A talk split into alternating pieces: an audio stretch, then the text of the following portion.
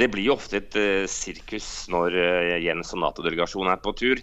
Selv havnet jeg i en trang gang i Kiev her i denne uken, hvor uh, en sikkerhetsvakt hadde da geleidet alle journalistene inn i feil gang. Og så kommer plutselig presidenten i Ukraina, statsministeren og Jens Stoltenberg løpende og skal på toalett. Men der kommer de ikke forbi. For der er det bare massevis journalister. Så da tar presidenten fram knyttneven og dytter og presser seg gjennom, slik at han kommer seg på toalettet. Dette var uh, vår uh, Moskva-korrespondent uh, Per Anders Johansen som har ferske opplevelser med tur med Jens Stoltenberg til Ukraina. Med oss har vi også Øystein Langberg i Brussel, som debuterer her i podkast. Hei, Øystein. God dag.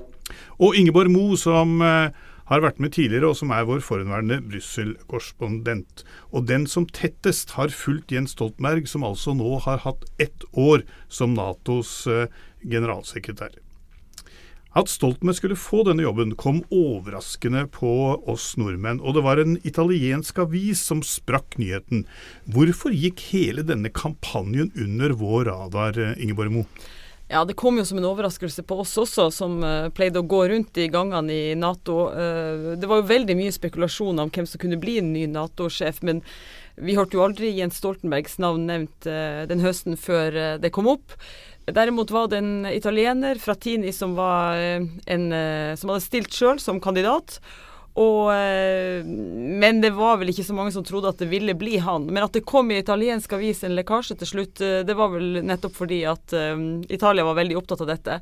Men at det gikk under radaren, tror jeg også har å gjøre med at uh, for dem som kjempa for å få Jens Stoltenberg i denne posisjonen, så var det avgjørende at dette foregikk i det stille, og at mesteparten var avklart før navnet hans kom opp. Det var måten de ville lykkes i prosessen med å få han som sjef. I ettertid vet vi at det var Angela Merkel og Barack Obama som på mange måter kjørte dette showet, og at de mente at Stoltenberg var en bra kandidat. Eh, Øystein, betyr det at Stoltenberg eh, nå mer eller mindre er USAs lakei, og at han bare må danse etter deres pipe der nede i Brussel? Han er nok ikke USAs lakei, eh, men det er nok ingen tvil om at, eh, at eh, USA har en stor innflytelse i Nato.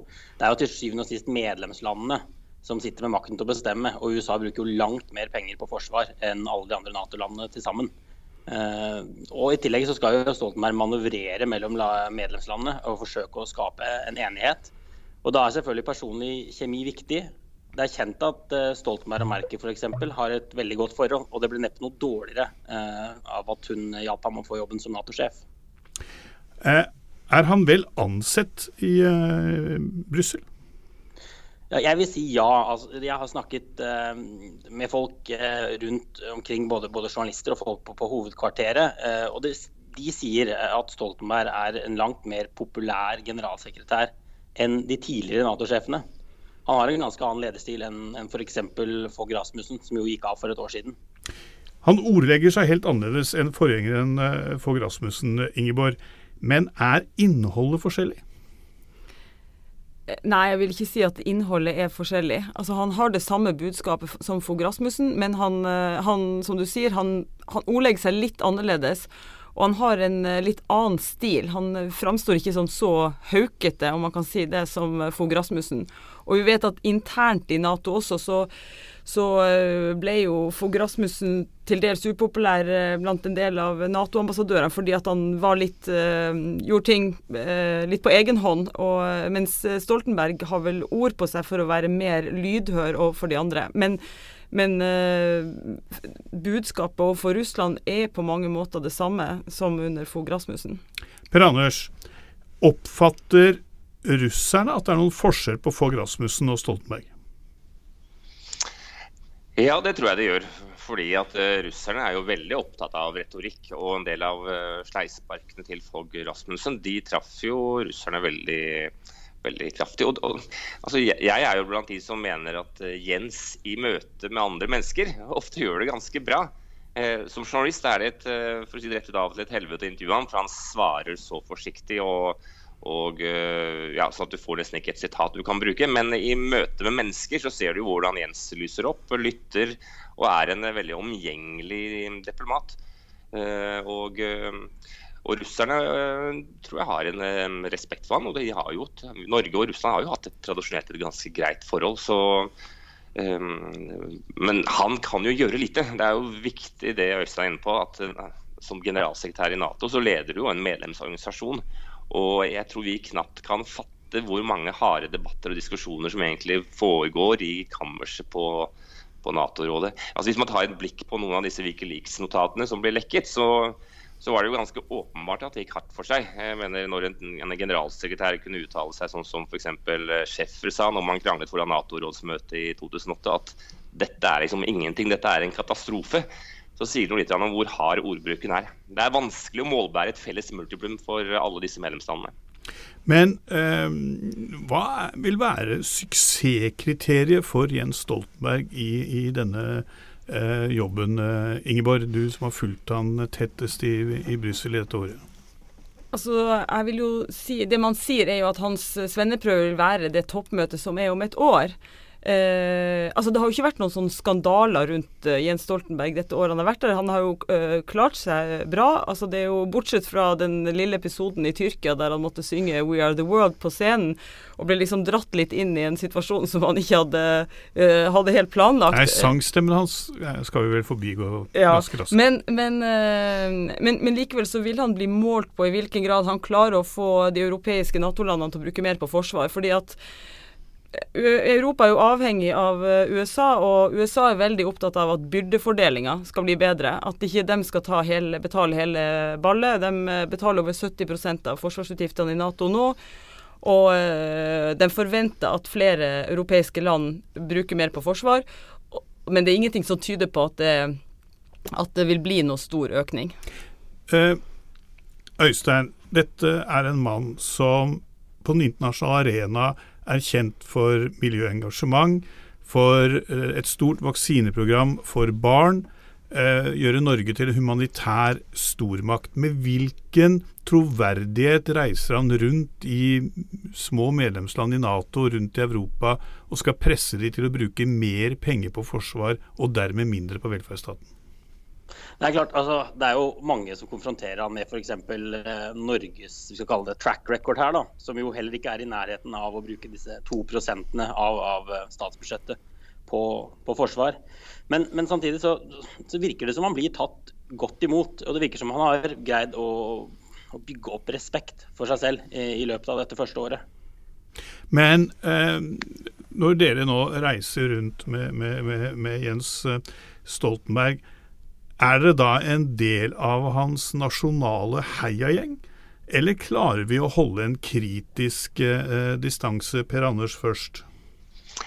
Nei, altså Det er jo alltid vanskelig å være med på denne type turer. Du får jo nesten en følelse av å være litt sånn japansk turist. Dels går det jo veldig fort. altså Man hopper fra det ene stedet til det andre. Som journalist skal du prøve å lage saker. Så en sånn tur er sjelden stedet for å gi de dype analysene. Og det er klart at eh, det er fort gjort å gå i en sånn eh, landslagsfelle. Men jeg må bare si det rett ut. Jeg føler meg av og til som et mikrofonstativ. Rett og, slett, rett og slett fordi jeg får ikke tid til å gjøre så mye annet enn å bringe videre det som sies. Og jeg får knapt tid til å snakke med noen. Altså når jeg fulgte Jens nå i løpet av to døgn, så fikk jeg fire minutter med ham. Og eh, på pressekonferansen var det heller ikke mulighet til spørsmål. Så, så, det eneste du kan gjøre, er å prøve å lirke rundt i gangene, snakke med folk og gi, gjøre det opp en egen mening. Men det er klart at Vi nordmenn vi heier på Jens, og det bør vi kanskje tenke litt hjemme om om er, er, er riktig. Men, men, på den annen side vil jeg jo si det at uh, jeg har jo også vært med på en del av disse turene med Jens Stoltenberg som også er veldig sånn heseblesende, der du hopper fra det ene til det andre, og du får veldig på en måte uh, liten tid til å, å, snakke med folk. Men du får likevel et godt innblikk i hvordan uh, dette her fungerer, dette systemet. og og eh, vi ville ikke fått den anledningen eh, hvis vi ikke hadde vært norsk i dette tilfellet. Og det er jo det vi ser også i EU, at, eh, at EU-medlemmene, altså journalistene som kommer fra EU-land, de er jo mye tettere på sine folk i EU. Her er Norge har en anledning til å komme litt, få nærmere innblikk i Nato. Men, men, for oss journalister så er jo utfordringen ikke bare være med på disse turene, men å drive med kritisk journalistikk utenfor disse arenaene. Men jeg, jeg mener likevel det er en verdifullt å få anledning til å se hvordan eh, dette topplederlivet fungerer. Og, og, det vi ser er jo at Jens Stoltenberg eh, han reiser fra land til land for å prøve å få skape enighet og det er jo en viktig del av den jobben han, han gjør som sjef. Jeg er helt enig i at vi må jo prøve å være med på disse turene. Det jeg bare lurer på, er jo selvfølgelig hvor mye man egentlig får ut av det. Fordi at Jens eh, og hans medarbeidere er jo veldig lojale. De har ikke den samme skal vi si, amerikanske stilen, for eksempel, hvor du av og til kan få litt mer informasjon ut, og hvor det er mer åpenhjertig. Eh, men det som slo meg veldig mye på denne siste turen, som jo var en veldig vanskelig og krevende tur for Jens, fordi han skulle prøve å balansere behovet for å gi Ukraina støtte og samtidig ikke utfordre Putin. Det som slår meg, er jo at eh, altså Nato altså Skal denne, gjengen her være verdens mektigste forsvarsallianse, så, så, lurer jeg på om jeg har misforstått et eller annet. For det er jo en eh, ja, det er, det er, mennesker, de humper av gårde. Det er eh, mye som går på halv tolv, ting som må improviseres. Og eh, de er, de er Gi et konkret eksempel. Ja, Et eksempel på det er jo for, Jens står og hører på en viktig uttalelse fra Putin, og så faller oversettelsen ut. Så han må stå og nikke og, og smile, og han har ikke peiling på hva Parosjenko sier. Eh, nå gikk det jo bra, for Porosjenko sa ikke noe spesielt kritisk i akkurat det øyeblikket. Men eh, man er nødt til å improvisere underveis, og eh, alt virker ikke, ikke så superplanlagt. På den turen så var jo eh, det norske teamet veldig fornøyd, for vi var eh, åtte-ni journalister med. Jeg syns egentlig det er litt lite, jeg, eh, når du tenker etter. At ikke større deler av vestlig presse viser større ja, oppmerksomhet rundt det her, kan man også stille spørsmål ved. Uh, Øystein, har vi mistet deg, eller er du fortsatt med oss? Jeg er fortsatt med. Uh, hvordan, er det, hvordan er det i Introducing Wondersuite from Bluehost.com. Website creation is hard, but now with Bluehost, you can answer a few simple questions about your business and get a unique WordPress website or store right away. From there, you can customize your design, colors, and content. And Bluehost automatically helps you get found in search engines like Google and Bing. From step-by-step guidance to suggested plugins, Bluehost makes WordPress wonderful for everyone. Go to bluehost.com/wondersuite.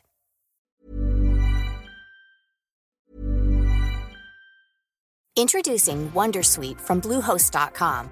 Website creation is hard. But now with Bluehost, you can answer a few simple questions about your business and get a unique WordPress website or store right away. From there, you can customize your design, colors, and content. And Bluehost automatically helps you get found in search engines like Google and Bing. From step-by-step guidance to suggested plugins, Bluehost makes WordPress wonderful for everyone.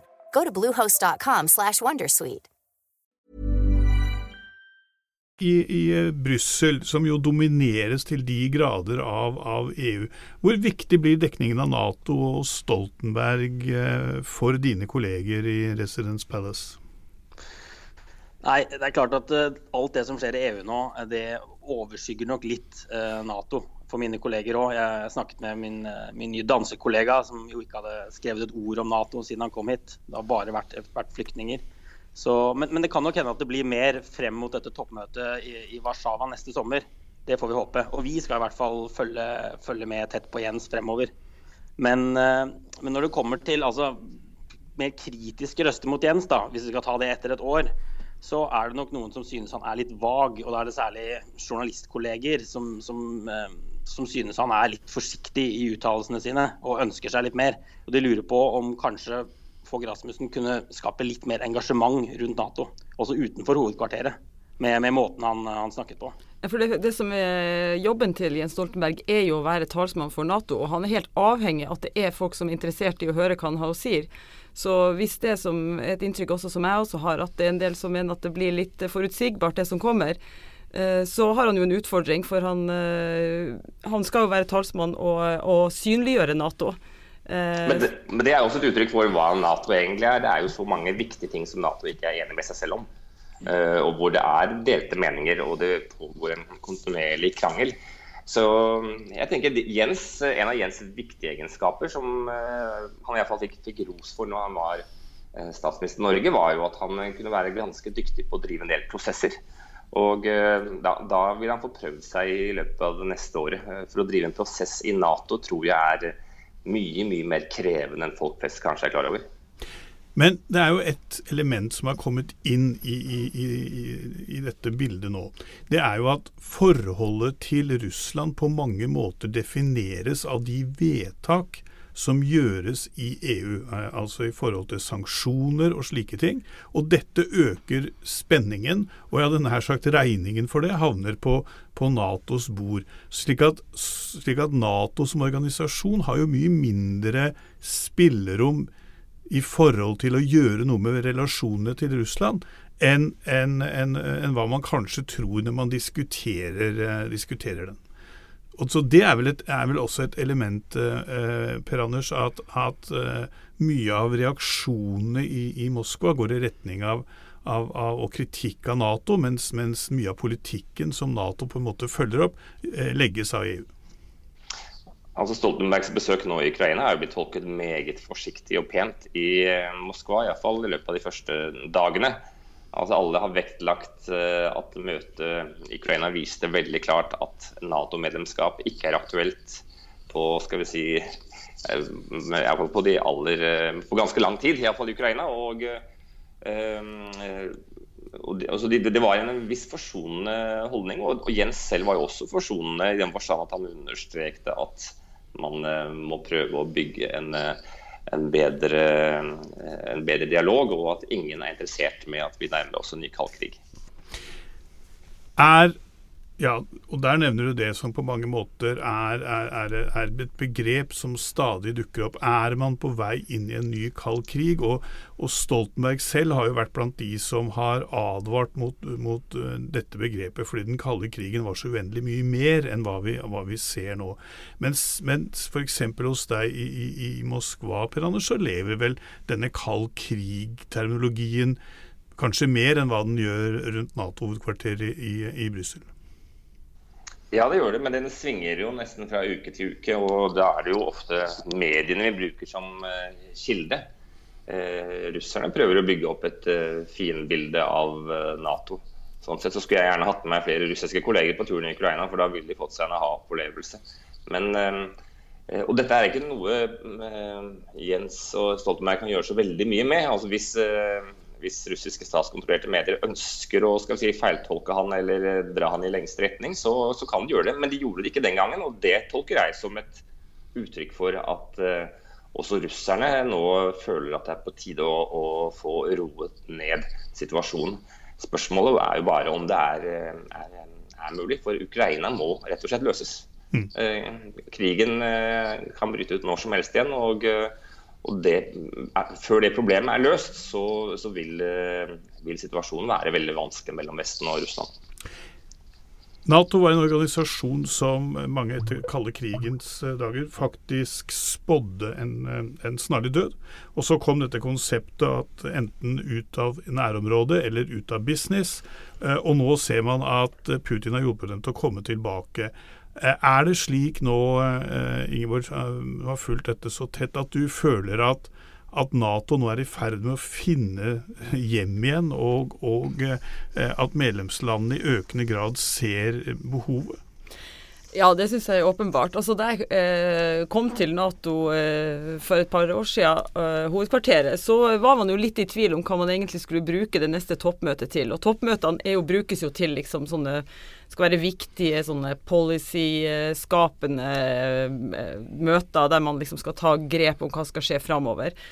Men, men, Nato klarer jo ikke å forutse hva som skal skje. Det har de jo vist, vært vist gang på gang. Og den gangen så snakka man mest om hva skal man gjøre når man, man liksom trekker seg ut av Afghanistan. Så derfor har jo dette Plutselig fant man tilbake, og, og selv om man ikke kan altså det, det, er få som vil si at det er en kald krig nå, så er det jo veldig kjølig mellom øst og vest. Og, og, det er veldig lett å begynne å tenke i de banene som man hadde tidligere. Vi, vi husker jo den kalde krigen, hvordan det var. Uh, og det som Nato gjør nå i Øst-Europa, det er jo helt åpenbart uh, å komme hjem igjen, og at det er en rolle som de er, uh, på en måte er bekvem med. Men samtidig må vi huske på det at dette er de nordlige landene opptatt av, og det er de østlige landene opptatt av. Men det er ikke enighet i Nato om hvor mye krefter man skal bruke på den opprustninga i øst. Altså Spania og Italia er ikke så opptatt av det som eh, Polen og, og Norge. Nei, og, det... og, russerne, vil jo si at eh, Nato ikke bare kommer hjem, men at de er jo på vei til å flytte grensene langt østover. Mm. Med Ukraina og Georgia som et spørsmål. Og dette er jo et helt grunnleggende problem for Nato. Hvordan man skal forholde seg til dette som er så, så, så viktig veivalg. Skal Nato gå med på å la Ukraina og Georgia gå inn i, i Nato, eller ikke? Gjør man det, så vil vi ha et problem med russerne. Det er helt sikkert.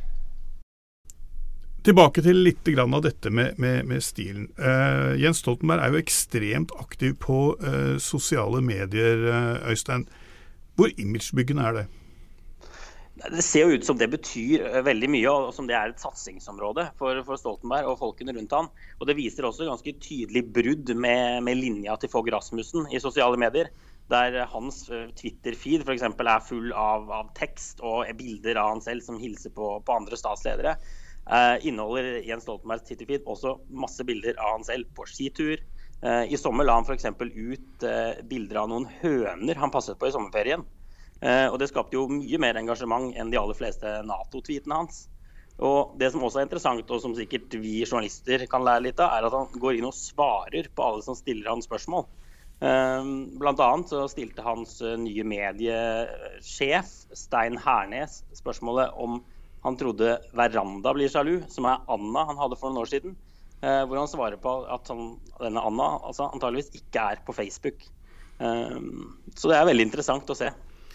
Og det virker jo som uh, han er opptatt også av å holde kontakt med det norske publikummet. Det, det syns jeg virker ganske åpenbart i hans uh, kommunikasjon på sosiale medier. Og, og, jeg må jo si også at det er slående å se altså de bildene som eh, Fogh Rasmussen la ut på Facebook av seg sjøl. Det var jo stort sett at han sprang eh, veldig hardt og ofte fra sikkerhetsvakten, enten det var i Montenegro eller eh, på Island på tur. Og det var litt sånn eh, machopreg av det, sånn som vi også ikke helt eh, sa, likte det Putin legger ut av seg sjøl, men det var, det var, veldig Det var ikke så mye høner som han passa, for å si på den måten. Så det er en mykere stil i de sosiale mediene. Ja, Det er en annen som f.eks. stiller spørsmål om hønene er Nato-medlemmer. Og selvsagt er de det, svarer Stoltenberg da.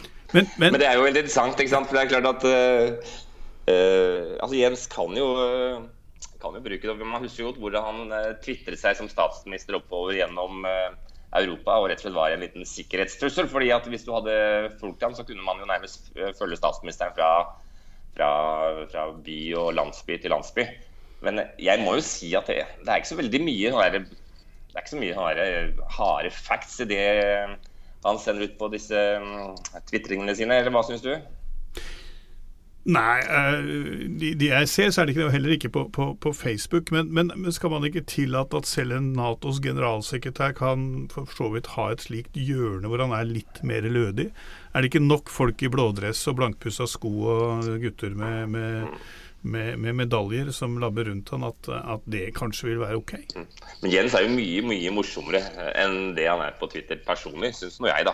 Så han holder nå litt bånd på seg her også. Det skulle jo selvfølgelig bare mangle.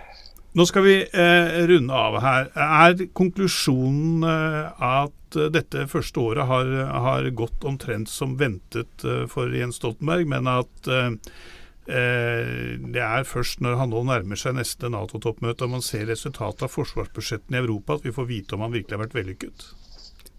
Jeg tror han hadde en bratt læringskurve, mye å sette seg inn i i Nato. Dette er, Selv om han sier det sjøl at det ikke er noe nytt område for han, han har jo tross alt vært statsminister, så er det mye som er det er en annen stil. Nato-hovedkvarteret er noe helt annet enn å lede den norske regjeringa og være politiker i Norge. Så, men det er nå det gjelder, og eh, det er det vi blir, jeg tror han vil bli målt på det vi ser i løpet av det neste året.